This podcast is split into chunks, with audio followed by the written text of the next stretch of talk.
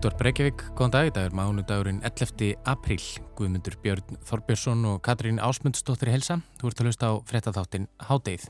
Fyrirumferð frönsku fórsetakostningana fór fram í gær og líkt og búist var við var Emmanuel Macron sitjandi fórseti hlutskarpastur en hann hlut tæplega 28% atkvæða.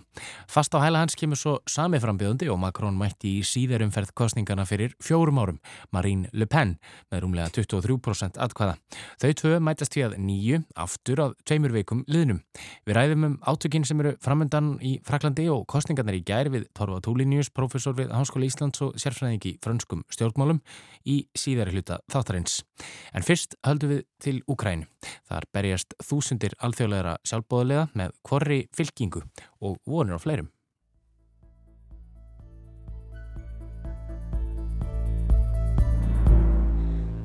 Strax og rúsa riðustinn í Úkrænu 24. februar hóf fólkum heim allan að lýsa yfir vilja til að fá að berjast samhliða Úkrænu hér gegn rúsum, sína stuðning og samstöði í verki. Og svo fórað á þriðja degi innrásarinnar var sérstök alþjóli varnamáladeilt stopnuðinnan úkrænskra yfirvalda að beini úkrænufórsetta svo hægt væri að taka móti slíkum viljugum alþjólegum sjálfbóðaliðum. Og aðsóknin let ekki á sér standa. Strax rétt rúmri viku síðar hafðu 20.000 manns frá 50 ríkjum skráð sig til þáttöku. Skilirði til þáttöku voru ekki ströng á fyrstu stigum stríðsins og umsóknarferðli tóka eins um sólarring. Í raun var tekið velamóti hverjum þeim sem var viljugur og gatt bjarga sér á úkrænsku eða ensku. En fyrir nokkrum vikum var breyting þar á og skilirðin hert. Nú taka úkrænsk stjórnmöld aðeins við liðsmönnum sem hafa gott vald á annarkort ensku eða úkrænsku og eru með einhvers konar reynslu af átökum eða bardagaþjálfun. Það var umsóknarferðlið flóknara og lengra getur tekið alltaf sjö daga en það ráðast úkrænsk yfirvöld nú í ítarlegar bakgrunnsrannsóknir og viðtölvið umsækjandur þar sem meðal annars er spurt ertu sannarlega tilbúin til að deyja? En eitthvað hefur verið um það að umsækjandur íki hæfi sitt og reynslu og yfirvöld segjast þó núorðin þraut þjálfuði að greina fagmenn frá öðrum, segjast sjáða á viðmótið þeirra og háttalægi. Mikilvægt sé að standa vel að umsóknarferlinu en það sé engum greiði gerður með því að óhæfu fólki sé hleyftin í landi til að taka þátt í barátunni, korki því sjálfunni að öðrum. Það seti lífsitt í hættu og borgi sig þess utan síður enda því þeir aukinn þjálfun mun meiri tíma og pening en allur stuðningur er þó ávalt vel metin. Heimildamenninan Úkrænuher segja að eins nokkrum dögum eftir að intökuskilirðin voru hert hafið samþygtum umsóknum fækkaðum helming og nú hefur svo þessum varnar orðum verið bætt við auglisingarnar fyrir deildina og þeim beint til vongóðra umsækjanda. Þetta er ekki eins og Call of Duty, þetta er ekki tölvuleikur. En úkrænsk yfirveld hafa hingað til ekki vilja gefa upp of mikið um alþjóðadeildina um uppbyggingu hennar fjölda sjálfbúðaliða hvaðan þeir koma og svo framvegis. Einn ástæða þess er svo að fjöldi ríkja heims varar borgara sína við þáttöku í stríðinu og sum ríki leggja einfallega blátt bann við því að landsmenn sínir leggji baráttunni lið með lögum. Og raunar verðist það vera algengasta afstæðan þó einhver ríki heimili þáttöku borgara sinna í alþjóðadeildinni, ríki eins og Lettland, Kroatia, Tjekkland, Frakland og Þískaland. Flestir þeirra sem hafa þegar skráð sig til þáttöku frá Úkrænu hér eru frá Breitlandi og Bandaríkunum og þáttakan gæti mitt haft afleggingar við heimkomuna fyrir breytana en það ólöglegt þar í landi að skrá sig til þáttökum með alþjóðadeildinni. Margir virðast þó ætla að veðja á að yfirvöld láti það kyrt liggja því það reyndi vist síðast á bannlaugin fyrir martlöngu eða árið 1896. Í bandaríkunum letja yfirvöld landsmenn sína frá þáttöku en það er þó ekki lagt afdráttarlust bann við þáttöku. Fólk má tæknilega séð fara frá heimalandinu til að berjast fyrir málstað sem af að trúa á en það er hins vegar ólöglegt fyrir skipulagðan hóp bandarískra ríkisborgara að halda til ríkis þar sem friður ríkir á milli þess og bandaríkjana í hernarlegum tilgangi. En einmitt lög og reglur og tilmæli yfirvalda verðast ekki hafa náðað stöðva ströymin. Líkt og áður segir berjast um 20.000 alþjóðlegir sjálfbóðaliðar með úkrænumönnum og enn regnirinn umsóknum frá alls konar fólki, frá alls konar ríkjum, stjettum og stöðum. Þingmenn og pólitíkusar frá Georgíu og Lettlandi, kvítrúsneskur ólimpíufari, leyniskitta frá Kanada og kynverskur uppljóstrari eru meðal þeirra sem hafa skráð sig til þáttöku. Og sjálfbóðaliðarnir fá sömu kjör og laun og hermen Úkrænu um 50.000 íslenskar krónur á mánuði og svo sérstakka greiðslu fyrir auka álaga borðið að berjast í fremstu röð. Og meðan sumir sjálfbóðaliðana verðast vel meðvitaður um hvað er að fara úti, hvernig það er að vera á stríðshrjáðu svæði og eiga í átökum, eru aðrið sem eiga erfiðara með ákverðunina. Hvart undan slæmum aðbúnaði þegar á hólminn er komið, segast jafnvel ekki hafa í neyn hús að venda, hljóta litla sem enga þjálfin og fá seint eða ekki nöðsynlegan búnaðaborðið, vopn og hlýðarfatnað segja ríki algjört skipulagsleysi og kás og tungumála örðuleikar gerir vond verða, verra. Sumir halda því aftur heim eftir skamma dvöl og því hefur verið veldu upp að ákveðnir sjálfbúaliðar hafi þannig kannski leift tilfinningaseminni að ráða för en ekki endilega raukhyggjunni, skráð sig til þáttöku af sterkum vilja til að vilja hjálpa og gera gagn en gerir sér ekki almennilega grein fyrir því úti hvað þeir að fara. En einmitt hvers vegna tekur fólkum allan heim þessa örlaríku ákverðun að leggja lífsitt að veði og halda út og berjast. Hinn norðuríski AJ Spence sem fór frá Belfast til Úkrænu til að taka þátt og hefur barist með Úkrænumönnum í Kíjev í höfuborginni undanfarin mánuðin eða svo, hann orðar það svona. It's like asking a firefighter to walk past a burning house and not do anything, you know. Most ex-veterans like myself probably feel exactly the same way, that they couldn't sit back and just watch the destruction, the attacking of the civilians and stuff like that. Spenn segist sjálfur ekki hafa geta fengið af sér að sitja bara hjá og horfi upp á átökin og árásir á almenna borgara aðgerða laus og líkir því við að byggja slökkulismannum að ganga fram hjá brennandi húsi án þess að gerast, gera neitt. Önnur Sandra Eira veiðimaður frá Noregi hjælt út nánast um leið og átökin hófust og hefur síðan þá barist í framlínunni. Sandra segist hafa fundi fyrir sterkri siðferðisleiri skildu til að fara út og berjast og segist vita að hún sé á réttum stað. Morally obligated. Um, I'm European.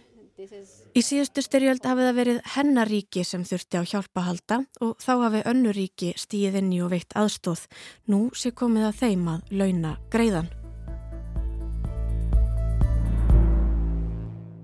En þá höldum við til Fraklands. Fyrir umferð fransku fórsetakostningarna fór fram í gær og líkt og búist var við var Emmanuel Macron sitjandi fórseti hlutskarpastur en hann hlaut tæplega 28% atkvæða. Fast á hæla hans kemur svo sami frambjóðandi og Macron mætti í síðari umferð kostningana fyrir fjórum árum, Marine Le Pen með rúmlega 23% atkvæða. Þau tvö mætast því að nýju aftur að tveimur vikum liðnum. Guðmundubjörn fyldist með kostningunum í gær og ræði nú við Torfa Túlinius, profesor við Háskóla Íslands og sérfræðingi frönskum stjórnmálum. Le peuple français s'est exprimé et me fait l'honneur d'être qualifié au second tour face au président sortant. Franska þjóðin hefur talað, sagði Marine Le Pen þegar hún áarpaði stuðningsfólk sitt þegar niðurstöður fyrirumferðar kostningana voru ljósar í gær. Hún hefur veitt mér þann heiður og skýrt umbóð til þess að mæta sitjandi fórseta í síðari umferð kostningana.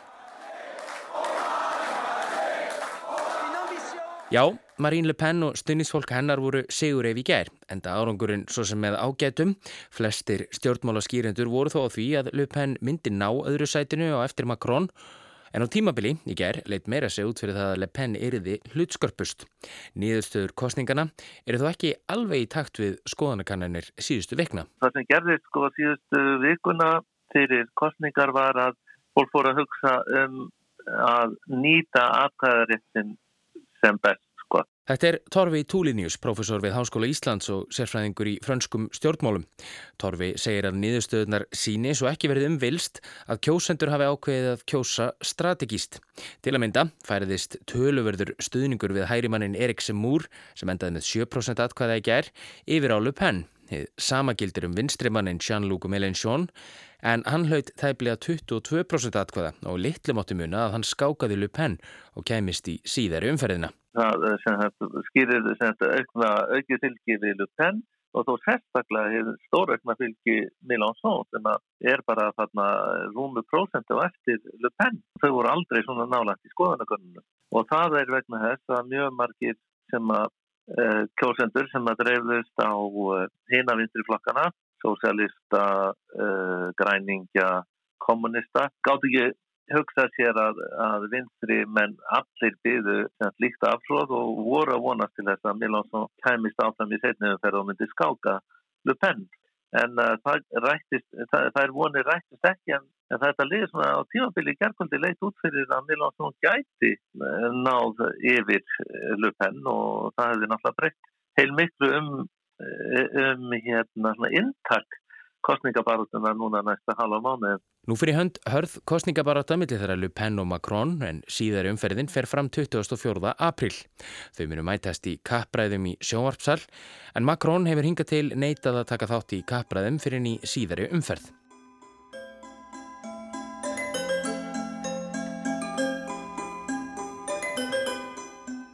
En hvað segja nýðustöður gerðkvöldsins okkur um stöðu franska vinstrisins? Vinstrimæðurinn Mélenchon fekk vissulega príðis kostningu en er sama verður ekki sagt um aðra vinstriflokka. En það virðist sem svo að margir kjósendur á vinstri vagnum hafi ákveðið að kjósa Mélenchon fremur en sinn frambjóðanda í þeim tilgangi sem Torfi nefndi hér áðan. Fabienne Roussel, frambjöðandi kommunista, fekk tæplega 30% kostningu. Annie Hidalgo, borgastöru Parísar og frambjöðandi sósélista, fekk tæp 2% og Jannik Jadot úr rauðum græningja fekk tæp 5%. Sem sagt, með góðri kostningu Mélenchon er fylgi vinstrisins tíu kringum 30%. Og það er náttúrulega bara alls ekki gott með að við sögu eh, franska stjórnmála. Helsti lærdómurinn sem hættir að draga af þessu er að að sko leng, lengst að sögu 15. líðveldisins var eh, í raun og veru tvískipting í þá voru vinstri blokkin og hægri blokkin og uh, það hefur verið að liðast í sundur undan færðin 20 ár og nú, er, nú eru komnar í staðan fyrir tækja blokka eru komnar þrjár blokkir það er stór Evrópusinnu miðja frjálslind í svona engamálum um, svona, svona viðskiptavæn eða, eða hlitt aðtunulífinu í efnaðasmálum og uh, mjög Evrópusinnu. Þetta er þessi stóra miðja sem að, sem að Macron er búin að leggja undir sig og hefur fengið þá til þessi fólk bæði frá gólistum og frá sósjálistum. Síðan er það populíska hærið sem flokka mætti lengst til hæri á pólitíska ásnum. Það vil halda innflytjendum í skefi og er efins um Evrópusamstarf. Þetta er fólki sem kýs Le Pen, Erik Zemmour og mennesá Nicolas Dupont-Agnan sem í gær fekk rúmlega 20% kostningu. Samanlagt nær þessi blokk rúmlega 30% eins og miðjan. Og svo er það vinstriblokkin fyrrnenda með tæplega 30%. Torfi segir að þetta nýtilkomna þryggja blokka kerfi sé eitthvað sem Macron græðir á því hann plokkar jú fylgi bæði frá hæri og vinstri.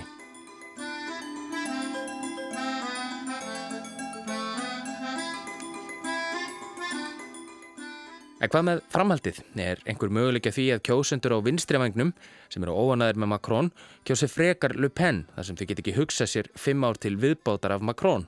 Eitthvað svipað og gerðist í bandaríkunum 2016 þegar Donald Trump tók fylgi frá demokrautum sem voru ekki ánæð með Hillary Clinton. Formenn allra vinstirflokkana nema Jean-Luc Mélenchon hafa hvart sína kjósendur til að styðja Macron. Mélenchon segir hins vegar að kjósendur eigi ekki að kjósa Le Pen en hefur ekki stíð það skref að lýsa yfir stuðningi við Macron. Og þetta geti haft áhrif, segir Torfi. Og það náttúrulega gefur hans kjósendum svolítið leiði til að sitja heima og það er kannski það sem hann hefur á baku eiraðan Milánsó, hann er á þessum sko næstu, næsta kjörtíma bill að veikja Macron að Macron hafi þetta sigri verði fórseti en að hann verði veikur fórseti af því hann hefur svona til þess að lítinn stuðning og margir þetta hann er illa kjörin að því leiti að hann uh, er kjörin með þegar að mjög lítið þáttaka er í, í setniðanferðinni.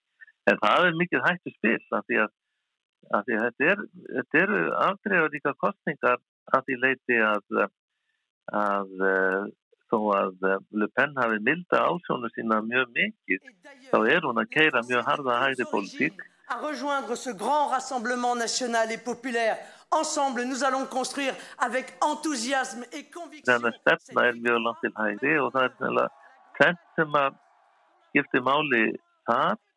Það er annars vegar afstæðina til útlendinga sem hún mun herða mjög, eða veikja mjög rétt eh, þeirra sem eru ellendu bergi brotnir í eh, Fraklandi og Fraklandi er náttúrulega innfýtjanda land og þeir hafa alltaf haft þá reglu að börn sem fæðast á franskri grundu þá sjálfkrafa fransk ríkisfang og ég fælt að fóröldarinn séu erlendir. Hún vil láta afnema það til dæmis og uh, vil sem sagt uh, taka það sem að breytarindar hafa gert það að fólk sem að sækir um hæli þarf að gera það frá uh, hérna, ræðismannskristóðum eða sendiráðum Fraklands erlendis þannig ekki koma til landsins og sækja um hæli þar og yfirleitt fleira sem hún vil trengja rétt útlendinga. Macron er ekki sérstaklega útlendingavætt eða innflytjandavætt heldur en það er ekki, er ekki svona langt. Hún vil líka láta breyta eh, eða taka upp miklu viðtæktara tjóðaratkvæðagreðslur og það eh, er svona, mjög, það er svona ekstra svona populist fyrirbæri að því það er hægt að setja fram spurningar þannig í, í tjóðaratkvæðagreðslu að það er raun og verið ráði valdhafar hvað, hver, hvað er gert. Og svo er hún alltaf eh, vill hún gera ímislegt í Evrópumálum sem að hún vill í raun og veru draga úr úr Evrópusamvinni og er þá svolítið á sipaðri línu og Ungarja, eða valdhafar í Ungarjalandi og Pólandi. Þannig farið svo að Le Pen hafi betur í síðarumfyrinni gegn Macron, þótt að sé óleiklegt núna, myndi það hafa afdreifuríkar afleðingar fyrir Evrópusambandið. Í aðdraðanda fyrirumferðarinnar kom upp neykslismál í franskum stjórnmálum. Er varða afnót franskra stjórnmálda af ráðgæða fyrirtækinu McKenzie. Rannsóknar nefnda á vegum efri deildar þingsins komst að því að á síðast ári hafi McKenzie þegið um 150 miljardar íslenska króna í þóknanir fyrir að veita hennum ímsu ríkistofnunum og ráðunautum ráðgjöf. Þá benti rannsóknar nefndina á ákveðin tengsl millimakrón og eins forvíismanna McKenzie í Fraklandi. Sem og þá staðrenda að þetta fyrirtæki hefur ekki greitt neina skatta til franska ríkisins í yfir tíu ár. Búistöruð því að þetta gæti haft áhrif á Makróni í barátunni en það gerðist þó ekki. En málin er hvergin er í lokið, segir Torfi og gæti komið í bakið honum á næstu tveimur vikum. Þetta var ekki mikið umræðinu undanfanna daga en það er líklegt að þetta komið aftur upp núna. Og þetta mun Le Pen nota gegn Makróni kapraðinum sem eru framöndan. Á sama tíma er Makrón líklegur til að benda á að stjórnmálarheiming Le Pen hafi fengið lán hjá ungurskum og rúsneskum böngum og svo afstæða sem Le Pen hefur sínt gagvart Vladimir Putin, Rúslandsfósita, en hún vil sína honum meiri skilning, hvað svo sem það kann að þýða. Þá má telja líklegt að innanlandsmálinn snúist um eftirlaunaaldur. Le Pen vil lækka hann niður í 60 ár en Macron segir eftirlaunakerfið einfallega of dýrt og vil hækka hann í 65 ár. Þá hefur Le Pen bent á mingandi kaupmáttfrakka og mun vafalítið nota það gegn Macron á næstu vikum. En svo staðan er núna er ólíklegt að Le Pen geti gert Macron skráfeifu. Óvissu þátturinn í síðarumferðinni snýst því fyrst og fremst um hver margir kjósendur ákveði að sitja heima. Það, það er ómögulegt að segja en það, það er aðal hættan fyrir Macron er að fólk vilji, sko, sé ekki nógu sifir á honum til að vilja ómanga sig og fara kjósana því að það, eh, en já, til að eh, koma í veg fyrir að Le Pen ná í völdum og það eru Le Pen er að fá til sín svolítið af hennu hefðuna hægri. Hefur verið að gera það uh, undan það er einn misseri. Og það fólk kannski líklæra til að fara á kjörsta, það er eldra fólk og svona, það gæti með þar í svo að ef unga fólki sittur heima og eldra fólki uh, hérna uh, flykkjust á kjörstaði að þá verði munilu penn hafa þetta, þetta gæti orðið nefn og þetta eru spennandi þær vikur sem eru framönda.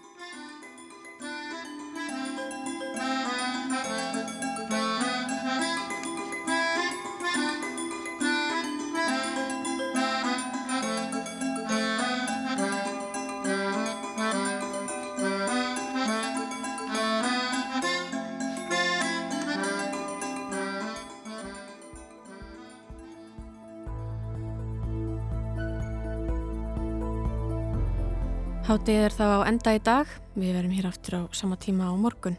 Þátturinn er einnig aðgengilegur í spilaranum og hlaðvarpsveitum. Það var hægt að senda okkur post með ábendingum á netfangið hátið hjá rúf.is. Verðið sæl.